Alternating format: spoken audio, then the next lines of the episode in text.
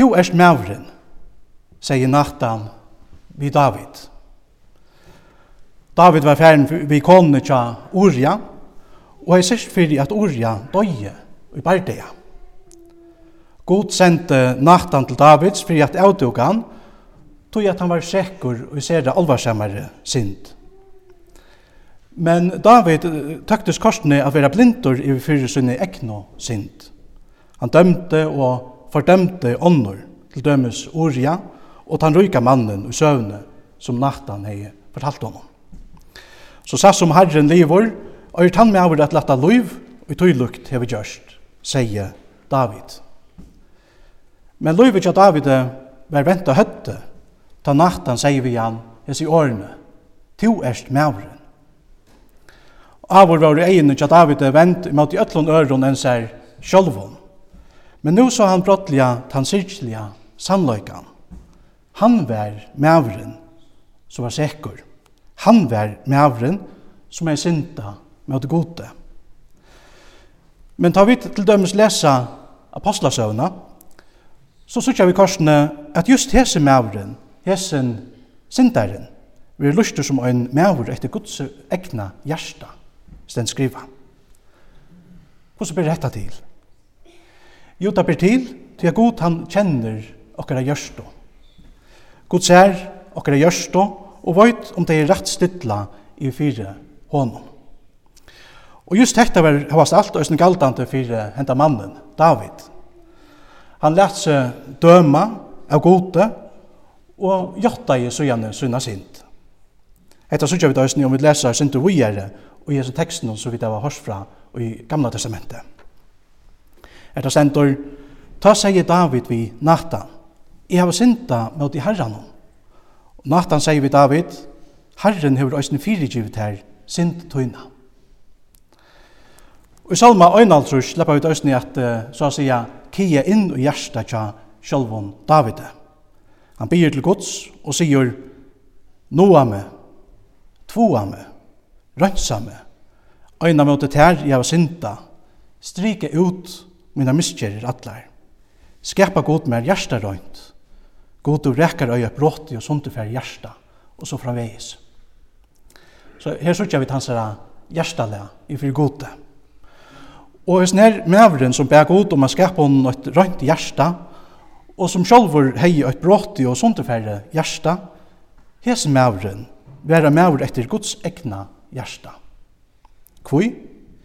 Jo, til at han er lært at hjertet er svikafullt. Fram om alt annet som det stedet skriva Jeremia øsne. Og så la jeg han øsne lært at bia hessa bønna som han øsne hever skriva i salmnon. Kanna meg god og kjenn mitt hjerte, rannsaka meg og kjenn mina hoksan, vite om meg enkja glætnar vegi og løy meg hinn avja vegin. Om David ikkje hei brått i og sundfær hjärsta, så er han omgant å kunne skriva enda salmen, salma øynaldrus, enda kjenta bøtsalmen. Og så, så, så, så snart hei han heller ikke kunnet hjelpt øtlom tøymon menneskene som oppegjøk noen tøyina hava funnet trøst og styrke just i tøy som han skriva i her. Frasøknen om David hjelper okkon å skilja evangeliet til henda dagen. Det snur seg nemlig om okkara gjørstå. Hava to og er bråten og sundur færen gjørst og lykka som David. Etla halda vi ikkje av vi da bruk fyrir a bia hesa bønna, skepa god, med hjärsta røynt. Hvordan vera vi miskunnsom? Hvordan lærer vi at ombera hver nøyrum? Hvordan lærer vi at djeva? Hette det som Jesus sier at vi skulle gjera, men hvordan lærer vi det? Eitt er helt vist.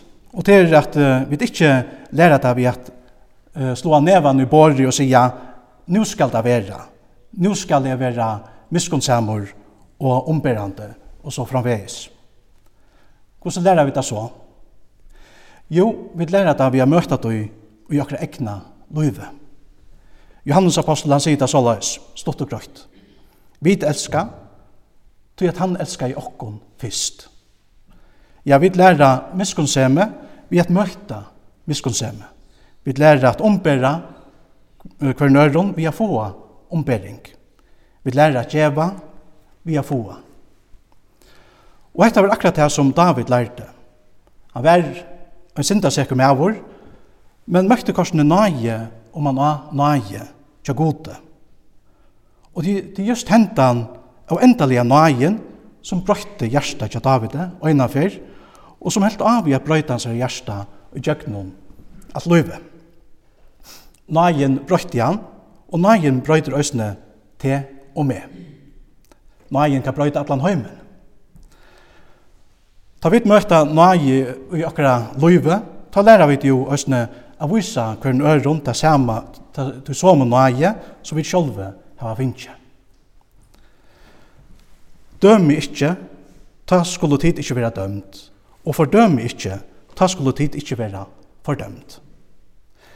Hesi årene tidsjast av vøyta eh, kristnon tropløykar og heimenon ein latta, tog at den syndafallende heimren kan jo brukes i årene til at atvise atla talo om synd, bare vi at endurkjøves i årene og sier, døm ikkje, du skal ikkje døma, og så gjør det. Og etter gjør det sjående ser jeg tropult at boa evangeliet om, om, om synd og om syndana fyrirgjøving til en syndafallan heim. Men dette kjemst av tog at, et her året verur miskilt. Dømmer, sier her, til hekta bruka gos år, til at døma ånder, utan at det først og fremst til å finne høve til at døma okkur sjálve. Og etter høysen til så vidt bøy om og i inngangskollekten. Her vi bau og sett og lær eisen okkon a søgna miskon og møte nasta okkara, så at vi ikke kan døma, etla fordøma, men døma okkur sjálf, bøvit. Ta vi bruka gos år som en matestokk av øron, utan at det først og fremst slipper at døma okkon og avduka okkur sjálve, ta vera okkara gjørst og hør, og vi vera fordømande i fyrir øron menneskjon. Men hette her anværar Jesus okkun møt, ta han sier, døm ikkje, ta skulle tid ikkje vera dømd, for døm ikkje, ta skulle tid ikkje vera fordømd. Jesus avværar okkun møt i en hiklande fordøming av feilen hon til øron tryggvande menneskjon.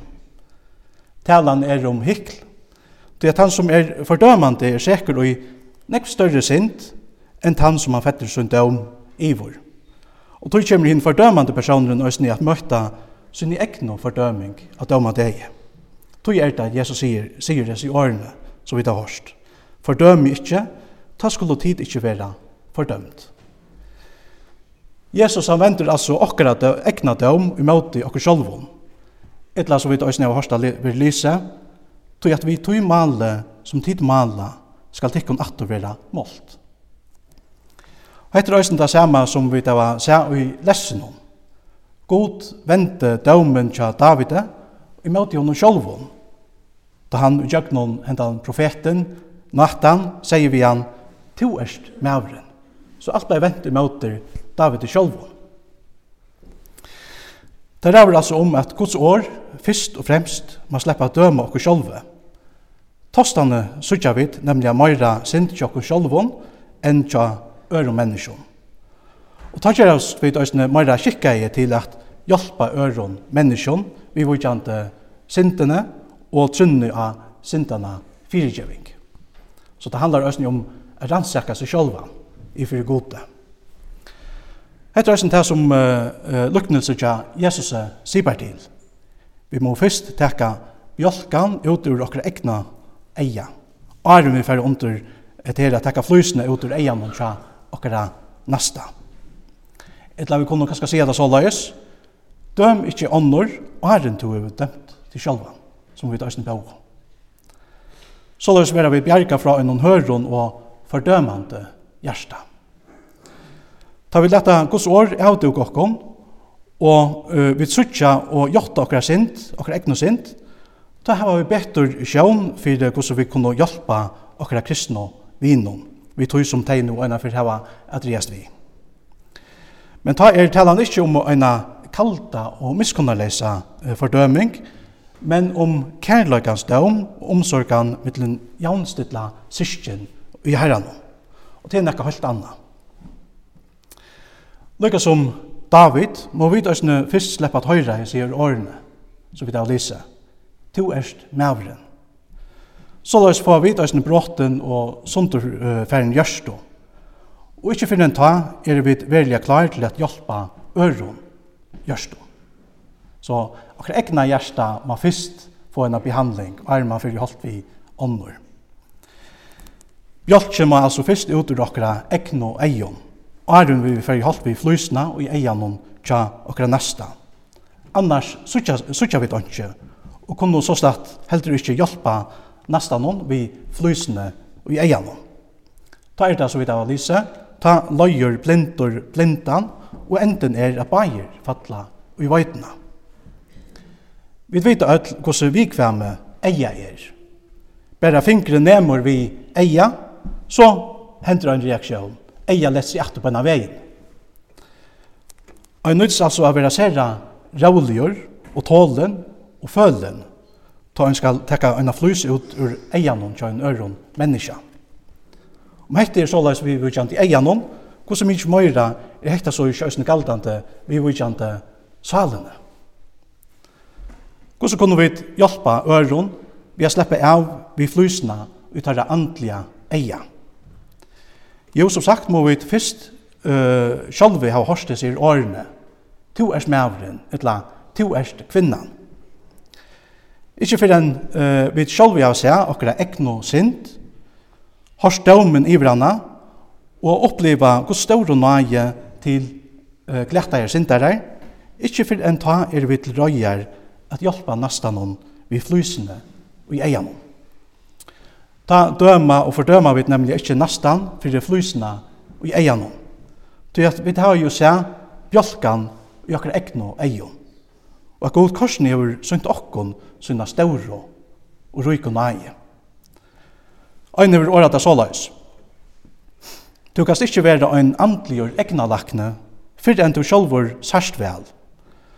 Ta vit suttja okkur sjálve og er sloppen av vi hentan bjalkan og hava dømt og fordømt okkur sjálv og er oi hesi eimjuk og samkjennande, samhua og blui og omberande støvo. Tostane er vi til røyer at tala sannløykan og kærløyka til en annan, og så løys òsne veita hånden hjelp. Etta som Søren Kirkegaard sier, og jeg skal enda vi tøy, Kirkegaard han sier så løys, Öll sånn hjelp byrjar vi eimukt. Hjelparen må fyrst eimutja seg under hånden som han vil hjelpa. Og her vil skilja at det at hjelpa ikkje er at valda, men at tjena. God hjelp jokken ødlån til å være slutjer tænare. Lov og tøkk og atler høyur, vil det her, god og varon, fægir, sine og høylaun anta, som alt du hever være, er og alt du være øyn sannur, try øyner god, halov over, fra fyrste opphavet, nu om atler avr. Amen.